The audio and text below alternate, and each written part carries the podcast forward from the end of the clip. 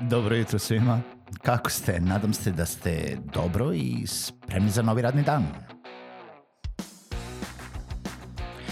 Pozdrav svima i dobrodošli na podcast Male pobede, stari novi podcast koji, well, koji je tu da bi vam kroz pitanje i savete dao motivaciju, pokrenuo vas u pozitivnom smeru i pomogao da ovaj dan počne bolje, jače i možda čak i zabavnije. Moje ime je Željko Crnjaković.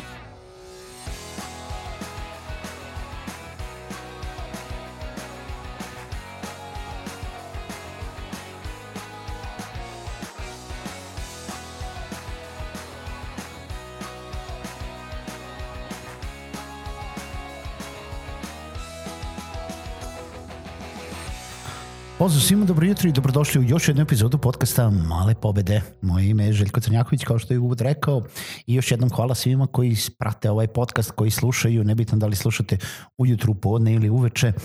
Male pobede su sa vama svaki radni dan od 8 časova. Ukoliko želite da pratite ovaj podcast, možete slobodno da se subscribe-ujete na bilo kojoj podcast platformi koju slušate, nebitno da li je to Spotify, Google Podcasts, iTunes, Stitcher, Player FM ili bilo koji drugi player uh, za podcaste, a možete da nas pratite i na SoundCloudu ili na sajtu malepobede.rs. Uh, pišite mi sa pitanjima, komentarima, željama, uh, da me kritikujete šta god želite uh, na komentarima na društvenim mrežama ili na mail malepobede.gmail.com i ukoliko imate neku, neki predlog za neku ideju, za neku temu, možemo da je obradimo. Uh, danas želim da se vratim na jednu epizodu koju sam nedavno radio, a tiče se kako donosimo odluke, kako da sebi olakšamo donošenje odluke i da se fokusiram na jednu stvar koju sam pomenuo i koju vidim a, da sve češće ljudi ponavljaju, da sve češće ljudi greše u tome, a da te greške mogu da vas koštaju mnogo stvari i sad ovo se ne tiče samo biznisa, tiče se mislim celokupnog vašeg donošenja odluka, zaključaka e, ili bilo čega bilo gde u životu. Znači, nebitno da li to radite u privatnim uslovima, porodičnim uslovima, sa decom, sa voljenom osobom, sa roditeljima, u biznisu, e, sa prijateljima, šta god nemojte da donosite zaključke jednostrano. Mislim, ovo jeste nešto što bi trebalo da znate. Ovo je nešto što svako uh, bi već odavno u nekim uh, godinama nakon uh, tinejdžerstva bi trebalo da shvati, ali dešava se sve češće, dešava se zbog toga da se raspadaju brakovi, dešava se zbog toga da se raspadaju prijateljstva, uh, donosite loše odluke u biznisu, košta vas para, profita uh, i svega drugoga. Nemojte da donosite zaključke samo na osnovu vašeg mišljenja. Veoma je bitno da prikupite sve moguće informacije i svaku moguću stranu pre nego što donesete zaključak o tome šta zapravo treba da radite ili šta se u nekom momentu zapravo desilo. Donošenje zaključaka samo na osnovu ličnog mišljenja i ličnog doživljaja nekih situacija može da bude zasenjeno sa mnogo stvari koji zapravo nisu realne sa uh, vašim, vašom percepcijom toga šta se desilo. Ne, da ne dođemo u situaciju uopšte da pominjem da uh, možete da veoma prepotentno počnete da zaključujete šta neka druga osoba, nebitno da li je poslovni partner, saradnik ili opet kažem nešto privatno, misli zato što se nešto desilo, a da o tome niste pričali. Komunikacija mora da bude otvorena. Ako nemate živaca volje, želje ili mogućnosti, možda čak da pričate direktno uh, sa osobom gde bi dobili one informacije iz prve ruke, opet treba da prikupite sve moguće informacije, treba da budete otvoreni za šta se tu zapravo desilo. A da to nije samo, e, on je zapravo hteo da pređe u drugu firmu zato što je počeo lošije da radi i zato što je počeo da se raspituje i počeo da ide, na primjer, na intervjue za posao možda je i hteo da pređe u drugu firmu, možda su ga samo pozvali, možda je to uradio iz kurtoazije, možda je uradio iz proste znati želje šta bi tamo bilo ponuđeno, a možda jednostavnom razgovorom i pronalaženjem a, zašto je neko zadovoljan ili nezadovoljan na svom radnom mestu i šta bi mogli da uradite da to promenite, a da to nije recimo isključivo finansijske prirode ili e,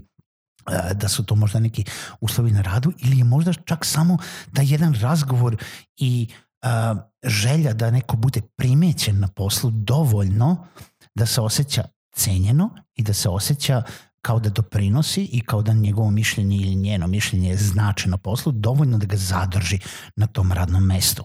Znači, opet razgovori u pitanju, ukoliko pričamo o nekim prijateljstvima ili uh, ukoliko imate neke situacije sa voljanim osobama, nemojte sami da donosite odluke šta ta osoba razmišlja. Sedite i razgovarajte o situaciji koja se desila i na neki način pokušajte da se stavite u cipele, u kožu, kako god hoćete da kažem, te druge osobe. Veoma je bitno da znate sve strane i onda naravno možete da donosite zaključke kada imate sve informacije. To je bitno u biznisu, u životu, u bilo čemu. Donošenje odluka jednostrano često može da bude potpuno nezahvalno, potpuno pogrešno. Može da bude i, i tačno u tom nekom smislu, uh, ali nije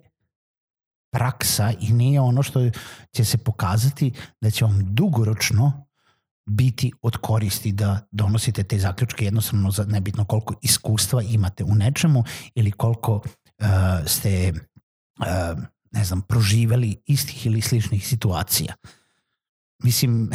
ako pričamo o tome da li vas je neko prevario, pa ako nećete i da pričate sa tom osobom, mislim, ekvivalent skupljenja informacije jeste uhnebljivanje privatnog detektiva da vi e, da dobijete, jel da, te prave informacije. I sad ne mislim konkretno da unemite privatnog detektiva da špionira vašeg supruga ili vašu suprugu, ali jeste e, jel da, metafora za taj način skupljenja svih relevantnih informacija da bi znali kako da uh, uh, jel da, sami donesete pravu odluku koja je prava odluka za tu datu jel da, situaciju. Uh, pričali smo u epizodi o tome kako da olakšate sebi donošenje odluka i jedna od stavki jeste da skupite sve potrebne informacije, ali morao sam da utrošim jednu celu epizodu da vam stvarno predočim da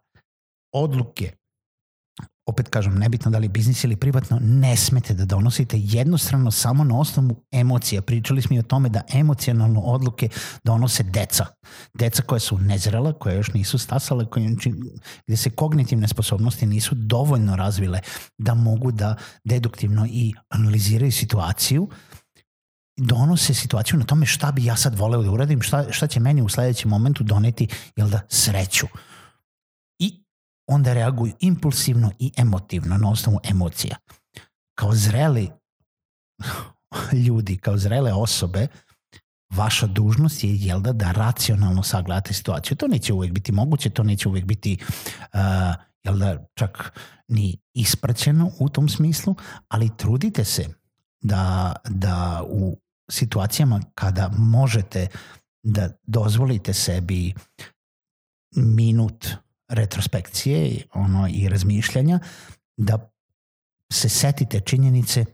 hm, šta bi ja sad tu još mogao da saznam, od koga bi to mogao da saznam, na koji način, kojim alatima i kojim uh, razgovorima bi mogao da dođem do svih potrebnih informacija da bi doneo tu odluku, da bi doneo neki zaključak o bilo kojoj situaciji koja se trenutno desila. Uh, pogotovo morate biti obazrivi kada se ti uh, odluke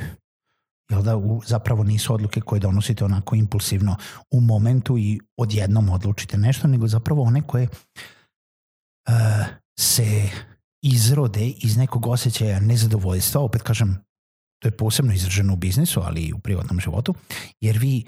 taložite jel da, to negativno osjećanje i sad ne skupljanjem ostalih informacija dozvolite da ta e, iskra nezadovoljstva raste u vaše predrasude o tome šta bi tu zapravo moglo da se zbiva, počnete da sami ubacujete e, neke stvari koje se možda nisu desile ili koje su neistinite ili koje e, zapravo nisu takve da druga osoba, vaš poslovni partner ne razmišlja